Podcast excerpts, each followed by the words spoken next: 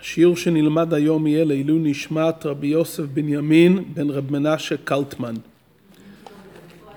נלמד ביחד שיחה בליקוטי שיחות, חלק ט"ז, השיחה לפרשת משפטים, השיחה השלישית.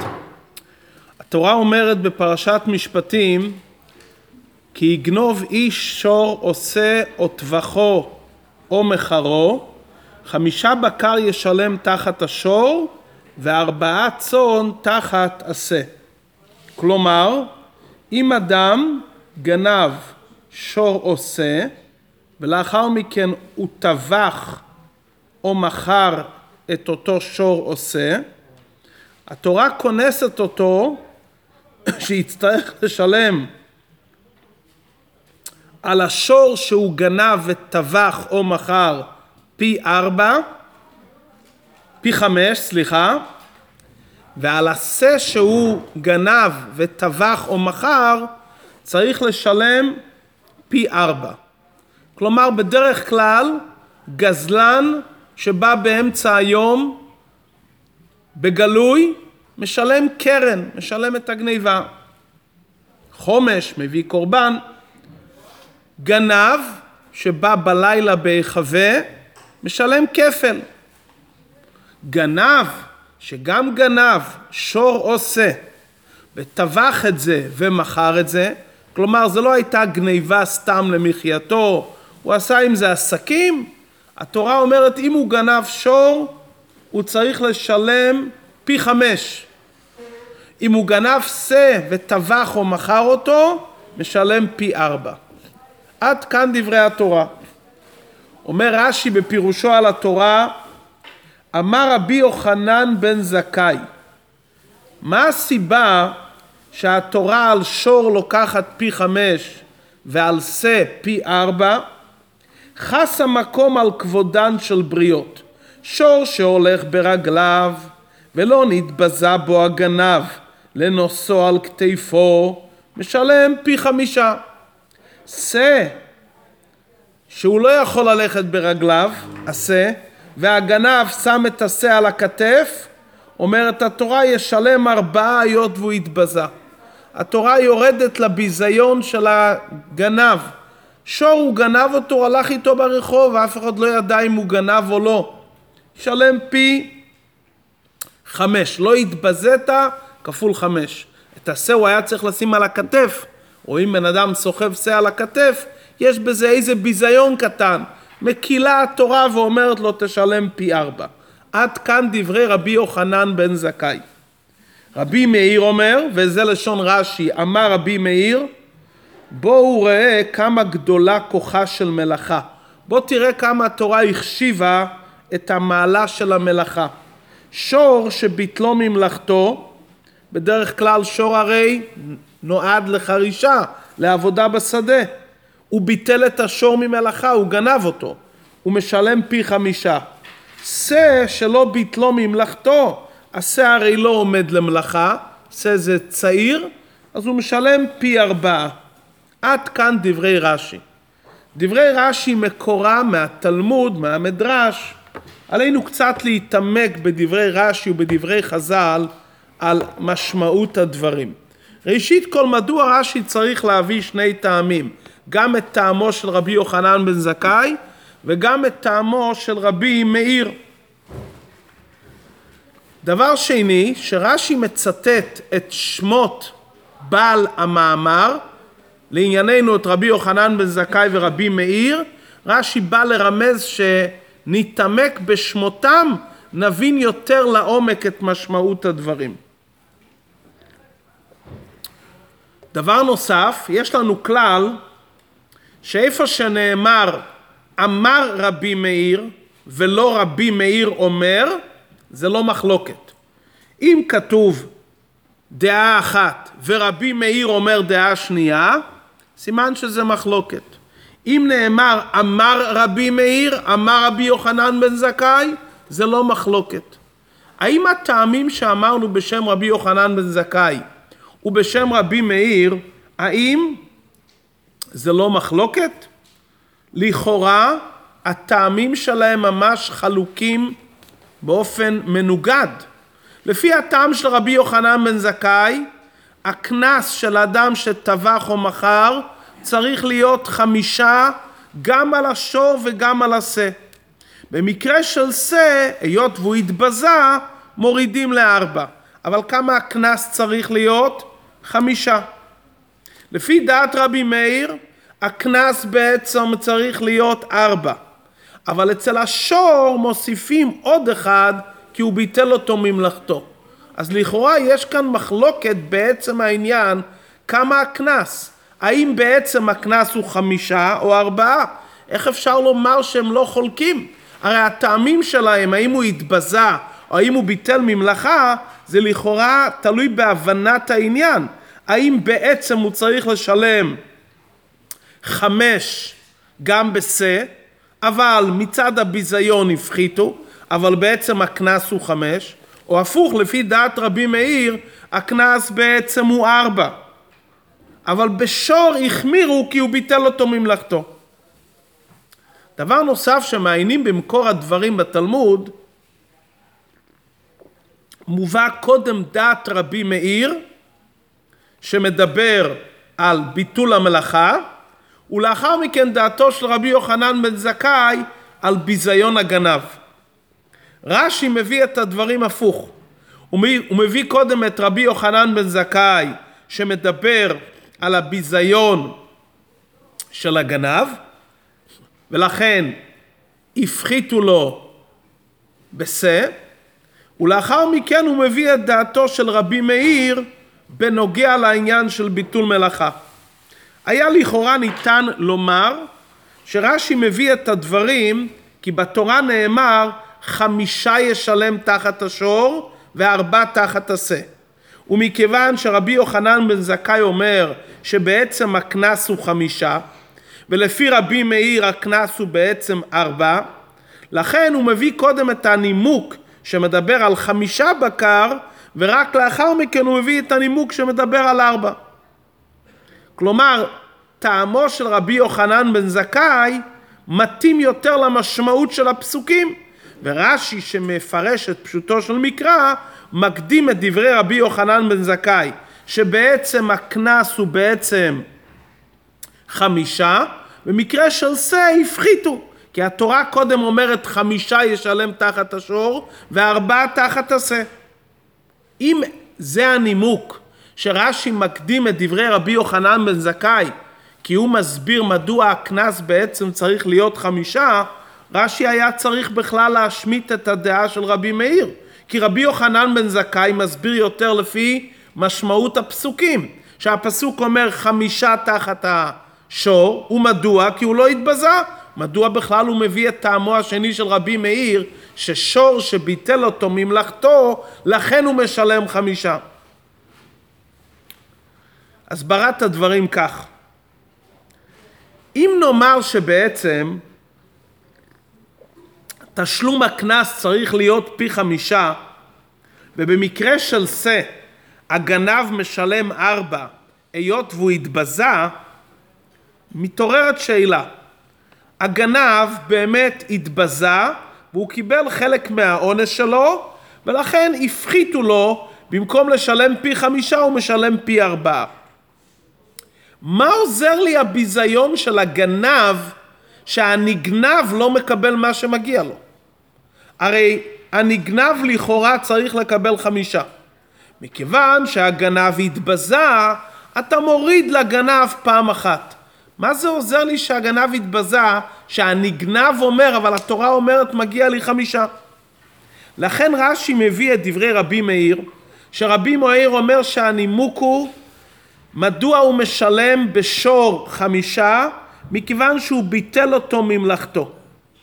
כי בעצם לפי רבי מאיר התשלום לנגנב צריך להיות רק ארבע ולא חמישה.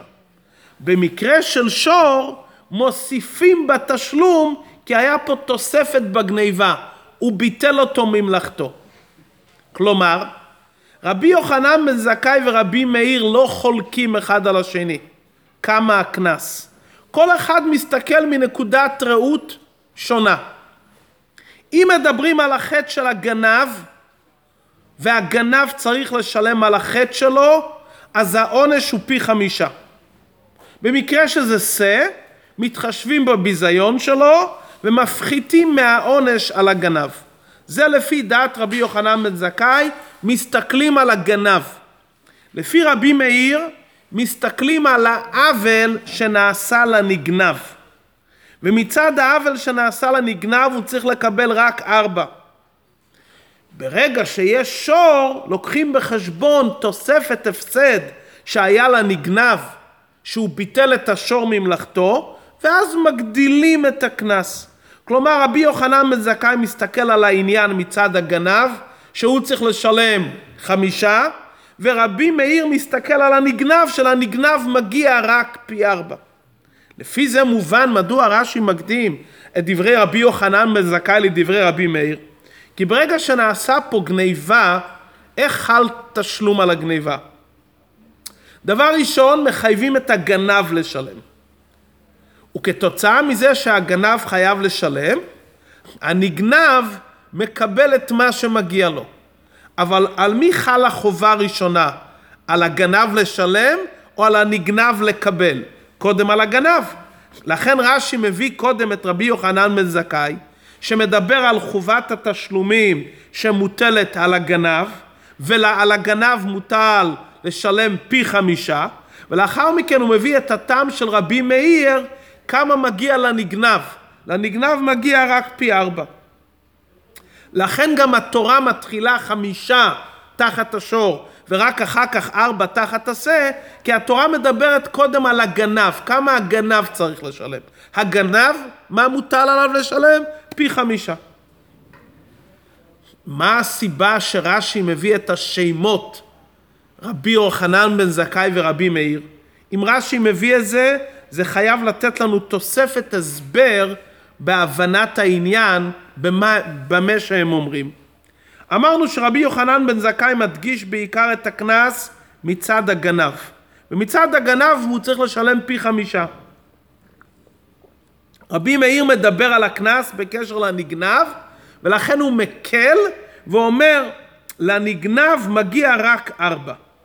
מאיפה זה נובע הנימוקים, האם מסתכלים בעיקר על הגנב או בעיקר על הנגנב?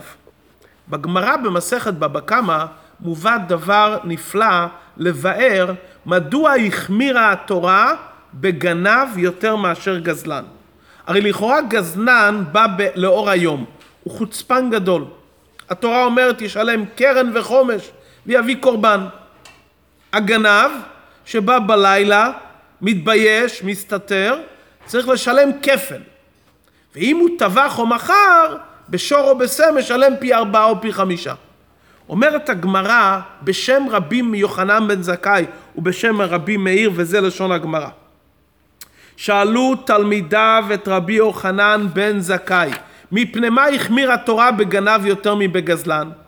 אמר להם רבי יוחנן זה השווה כבוד עבד לכבוד קונו וזה לא השווה כבוד עבד לכבוד קונו כביכול עשה עין של מטה כאילו אינו רואה ואוזן של מטה כאילו אינה שומעת והוא מביא כמה פסוקים.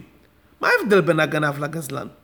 הגזלן אומר, אני לא מאמין חס ושלום בהשם, או שאני כן מאמין בו ואני לא מפחד, וגם אני לא מפחד מבני אדם, אז הוא בא לאור היום. אבל הגנב אומר כך, אני מפחד מבני אדם, לכן אני בא בלילה, בשקט, בהיחווה. מהשם אני לא מפחד חס ושלום.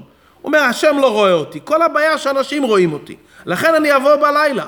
זאת אומרת, הגנב בעצם מבחינה רעיונית הוא הרבה יותר גרוע מהגזלן. הגזלן יש לו בעיה, הוא חוצפן, הוא עז פנים, אבל הוא לא משווה בני אדם לקדוש ברוך הוא. אבל הגנב שבא בלילה אומר שבני אדם צריך להיזהר מהם יותר מהשם. כביכול הקדוש ברוך הוא לא רואה, ולכן מהקדוש ברוך הוא לא מפחד. כל הבעיה זה בני אדם, אז הוא בא בלילה. אומרת התורה, אתה הגנב תשלם פי כפל, יש לך בעיה הרבה יותר עמוקה מאשר הגזלן. זה אומר רבי יוחנן בן זכאי. הוא מביא על זה כמה פסוקים. שאלו את רבי מאיר, מה אתה אומר, מדוע התורה מחמירה בגנב יותר מבגזלן? אומר רבי מאיר משל, למה הדבר דומה לשני בני אדם שהיו בעיר ועשו משתה. אחד זימן את בני העיר ולא זימן את בני המלך. ואחד לא זימן את בני העיר ולא זימן את בני המלך. איזה מהם עונשו מרובה? ואומר זה שזימן את בני העיר ולא זימן את בני המלך. אחד עשה משתה לא הזמין אף אחד. בסדר, לא הזמין, קמצן. אחד הזמין את כל אנשי העיר ולא הזמין את בני המלך. הוא עונשו הרבה יותר חמור. מה אומר כאן רבי מאיר ומה אומר רבי יוחנן בן זכאי? רבי יוחנן בן זכאי אומר, הגנב, אתה פוגם, אתה לא מאמין ביראת שמיים. כלומר, הבעיה היא שהגנב במעשה הגניבה מספר שהוא פוגם בכבוד השם. ולכן הוא אומר, הקדוש ברוך הוא לא רואה. אז רבי מאיר מדגיש שהגנב, רבי יוחנן בן זכאי, סליחה, מדגיש שהבעיה פה זה הגנב. יש לו בעיה איך הוא מסתכל על הקדוש ברוך הוא. רבי מאיר אומר שהגנב מכבד יותר את הנגנב מאשר את הקדוש ברוך הוא. הוא מזמן את בני העיר ולא זימן את בני המלך. גם כאן אנחנו רואים שכל אחד אם יש לו נקודת מבט אחר. רבי יוחנן בן זכאי שמתאר את החטא של הגנב, שהוא משווה כבוד עבד לכבוד קונו. הוא משווה את השם לבני אדם. אז הבעיה היא בגנב. הגנב כופר בהשגחת הקדוש ברוך הוא. לכן הוא מסתכל על הבעיה של הגנב. רבי מאיר בנימוק שלו מדגיש שהגנב יותר מכבד את הנגנב. ולכן הוא מזמין את בני העיר ולא את בני המלך. זאת אומרת, רבי מאיר מסתכל בעיקר על הצד של הנגנב. הוא מכבד יותר את האנשים, את הנגנב, ולכן הוא מגיע בלילה. זאת אומרת, זה יותר קשור הגנב כלפי שמיא, יש פה בעיה שהגנב לא מבין מי זה הקדוש ברוך הוא, ורבי מאיר מסתכל שהגנב מכבד יותר את בני האדם, את הנגנב, ולכן הוא מגיע בלילה ולא בא ביום. הנקודה הזאתי, ההבדל בין רבי יוחנן בן זכאי לרבי מאיר, מאיפה נקודת המבט על הבעיה של הגנב או על הבעיה של הנגנב, קשור גם עם הנקודה של הארבעה או חמישה. לפי רבי יוחנן בן זכאי שעיקר החטא של הגנב זה חוסר אמונה בהשגחה האלוקית. הוא אומר שהעין שלמטה והעין שלמטה לא רואה, העין שלמעלה לא רואה ורק העין שלמטה רואה. אז לכן הוא מכריע את החומרה מצד הגנב, לכן מגיע לו קנס חמישה, כי הוא מגדיל את כבוד בני אדם יותר מכבוד השם. רבי מאיר אומר, כל הבעיה היא החטא של הגנב ביחס לנגנב. ולכן, מכיוון שכל הנקודה היא פה שהוא חס על כבוד הנגנב, ולכן הוא לא בא אליו בלילה, לכן הוא לא אליו בא אליו ביום, לכן אנחנו מסתכלים רק על הנגנב, ולכן יש פה הקלה, עניין של ארבעה ולא חמישה. זאת אומרת, כאן יש בעיה בגנב, בתפיסה שלו מול השם, ולכן הוא משלם פי חמישה, וכאן מסתכלים יותר, הבעיה איך שהוא מכבד יותר אנשים, ולכן הוא לא רצה לבוא בלילה, הוא זימן את בני העיר ולא זימן את בני המלך. אז מקילים, כי החטא שלו הוא יותר בין אדם לחברו, אז מקילים ולכן החטא הוא ארבע. בעומק יותר, אפשר לבאר שזה שרש"י מביא את הדעות של רבי יוחנן בן זכאי ורבי מאיר, זה לא רק בגלל הסיבה שאמרנו לעיל, זה יותר להסביר למה באמת ממעטים בתשלומי שא, ולמה מוסיפים בתשלומי השור. כדי להבין את זה, בואו נסתכל לרגע מה אמר רבי יוחנן בן זכאי. הוא אומר שהאדם הגנב שגנב את השור, הוא פחות התבזה. כשהוא גנב את השא הוא יותר התבזה. הרי לכאורה כל הביזיון זה מתי שאדם עושה דבר בפני זולת. איך יכול להיות שהגנב שגונב מתבזה? הרי הוא גונב את הגניבה בלילה, מי רואה בכלל שהוא גנב את השא? מדברים פה על גנב שבא הרי בלילה, אז מה הוא התבזה שהוא סחב את השא? הרי לכתחילה הגניבה שלו הייתה בלילה. דבר שני, רש"י אומר, חס המקום על כבוד של הבריות. מה זה ההקדמה של רש"י, חס המקום על כבוד הבריות? למה לא אומרים חס המקום על כבוד הכנב? מה זה כבוד הבריות? ובעצם, מה ההבדל בין גנב למי שטובח ומוכר? הרי אם הבעיה זה שור ושה, אז זה לא קשור אם הוא טבח או מכר. קשור אם הוא גנב שור או שה, או גנב דבר אחר. זה קשור אם הוא טבח או מכר? הנקודה אם יש פה שור עושה, שהוא ביטל אותו ממלאכתו, שהוא התבזה, למה התורה תולה את זה דווקא בטביחה ומכירה? נקודת הדברים כך. בעצם, בשעת הגניבה, הגנב לא כל כך מתבזה. מתי הביזיון שלו? שתופסים אותו ומעמידים אותו לדין, ואז כולם יודעים שהוא גנב שא. כי שואלים כמה הוא שילם, לא שילם כפל, הוא שילם פי ארבעה וחמישה. גנב רגיל אומרים כמה הוא שילם כפל. אף אחד לא מתעניין מה הוא גנב. כפל, כולם יודעים שגנב משלם כפל. ברגע ששואלים כמה הגנב הזה שילם, אומרים הוא שילם פי ארבעה או חמישה. אז פתאום מתברר שהאדם הזה גנב שא וטבח ומכר. אז כשאדם גונב שא רגיל, לא יודעים שהוא שילם ארבעה וחמישה. הוא משלם כמו כל גנב כפל. אין פה שום עניין של ביזיון. ברגע ששומעים שהאדם שילם ארבעה וחמישה, אז מתברר שלמה הוא שילם ארבעה וחמישה? כי הוא גנב שא או שור והוא טבח ומכר. ואז הביזיון הזה, בגלל שהוא מתבזה, שכולם שומעים שהוא גנב שא או שור, הביזיון הזה אומרת התורה, תוריד לו טיפה. השאלה למה מורידים לו פי אחד? מורידים לו, מדובר בביזיון קל, מורידים לו סכום שלם, שהוא במקום לשלם חמישה, הוא משלם רק ארבעה. אומר רש"י, חס המקום על כבודן של בריות. הקדוש ברוך הוא ברחמיו הרבים חס על כבוד הבריות. הרי לא מדובר פה כרגע שהגנב נשאר גנב. הרי הגנב הזה, אחרי שעבר, תפסו אותו, הביאו אותו לבית דין, הוא עבר את תהליך של הבאת העדויות, בינתיים הגנב הזה כבר התחרט כמה וכמה פעמים על הגניבה, והוא גם מתבזה שכולם מדברים על זה שהוא גנב שא. לכן התורה חסה על כבוד הבריות, ובפרט לפי דברי רבי יוחנן בן זכאי, שהגמרא מספרת על רבי יוחנן בן זכאי, שלא הקדים אותו אדם שלום מעולם בשוק ואפילו נוכרי. כלומר, הוא היה מאוד חס על כבודן של הבריות. עד כדי כך שלא היה מציאות שאפילו גוי יקדים ויאמר לו שלום. היות ורבי יוחנן בן זכאי מסתכל כל הזמן על כבוד הבריות, והוא אומר הגנב בוודאי התחרט ובוודאי חזר בתשובה על הגניבה, אז לכן אפילו שהביזיון הוא ביזיון קל, אומרת התורה תוריד לו, תראה לו שאנחנו באים לקראתו. הוא חזר בתשובה, הוא מתבזה על זה שהביאו אותו לבית דין וכולם יודעים שהוא משלם פי ארבעה או פי חמישה, תוריד לו פי אחד. מדוע הבאנו את דברי רבי מאיר? רבי מאיר אומר בואו תראה כמה גודלה כוחה של מלאכה. ולכן היות והוא ביטל את השור ממלאכה, אז לכן על שור הוא משלם פי ארבע. מה ההקדמה הזאת שרבי מאיר אומר, בואו ראה, כי יש, יש פה איזה חידוש, שהוא ביטל אותו ממלאכתו. אנחנו יודעים שמשלמים על ביטול מלאכה. למדנו כבר בעבר שאדם מזיק לחברו, הוא צריך לשלם לו שבטו, ביטול מלאכה. מדוע פה יש פה חידוש? הסברת הדברים כך לפי רבי מאיר. הסברה נותנת שהסכום הזה של ביטול הרווח שבעל השור היה מקבל ממלאכת השור, את זה הוא כבר צריך לשלם יחד עם תשלום הגניבה בתור הקרן. כמו שאדם משלם לחברו שהוא הזיק לו דמי שבט, מה שהוא השבית אותו ממלאכה, גם כאן ודאי שמתי שמשלמים את הכפל ואת ה... על הסכום של הגניבה, בוודאי שכוללים גם את דמי ביטול מלאכה.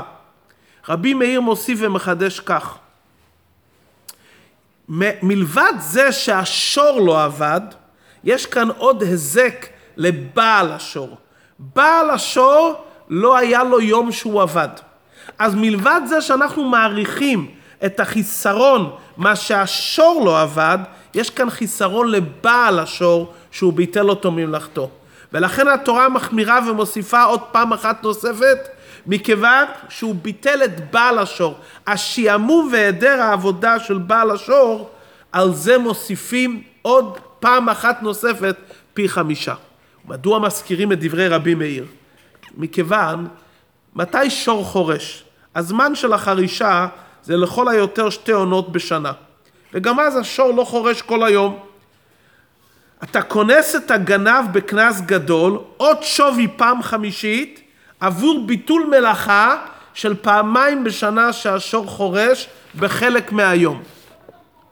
דבר שני, הדין של תשלום חמישה זה גם מתי שהוא טבח את השור. מתי גנב ילך לטבוח את השור? שכנראה השור הזה כבר לא ראוי למלאכה. לכן במקום לקחת אותו לחרישה, הוא לוקח אותו וטובח אותו. אז זאת אומרת, מדובר פה על מקרים נדירים, זמן נדיר ומקרה נדיר שאדם לקח ומכר שור. מי מוכר שור אם השור הזה ראוי למלאכה? ובכל אופן, על המיעוט הזה, שהוא ביטל אותו ממלאכתו, אותו שור, לעיתים מסוימים בשנה, מוסיפים עוד פעם אחת. זה הולכים לפי דעת רבי מאיר. הגמרא אומרת שרבי מאיר חושש למיעוט. גם במקרה של מקרים מעטים, הוא כונס.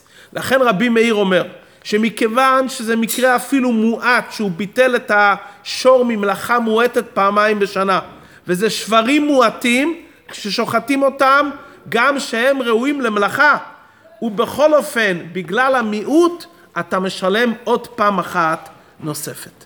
עד כאן הבנת הדברים של רבי מאיר ורבי יוחנן בן זכאי. יש כאן עניין עמוק על פי חסידות.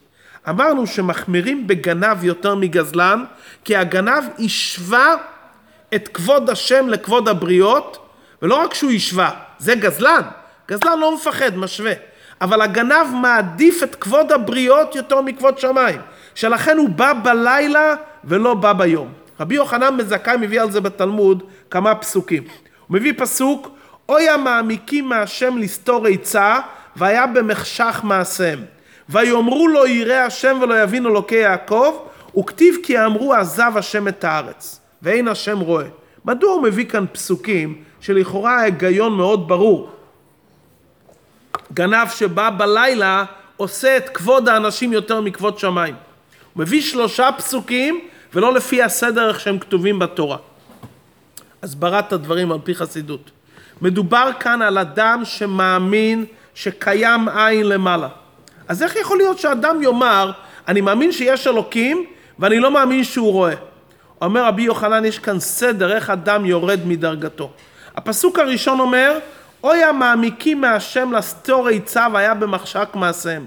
הוא יודע שיש עין רואה, אבל הוא מרמה את עצמו ואומר שהעין שלמעלה רואה רק מתי שיש אור, ולא במצב של חושך. מלמעלה ברו את האור כדי לראות, אם אין אור לא רואים.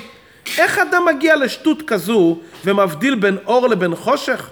ואומר שהעין שלמעלה לא רואה בחושך? על זה הוא מביא את הפסוק השני. ויאמרו לו ירא השם. הוא אומר הקדוש ברוך הוא נעלה, לא משפיל את עצמו להסתכל בגשמיות. האדם הזה אומר כדי לראות דברים גשמיים צריך עין גשמית. הקדוש ברוך הוא לא גוף, הוא לא יכול חס ושלום לראות דברים גשמיים, כי אין לו עין גשמית. איך אדם יכול להגיע לטעות כזו? הרי הקדוש ברוך הוא ברא את העיניים הגשמיות, בוודאי שהוא יכול לראות בגשמיות.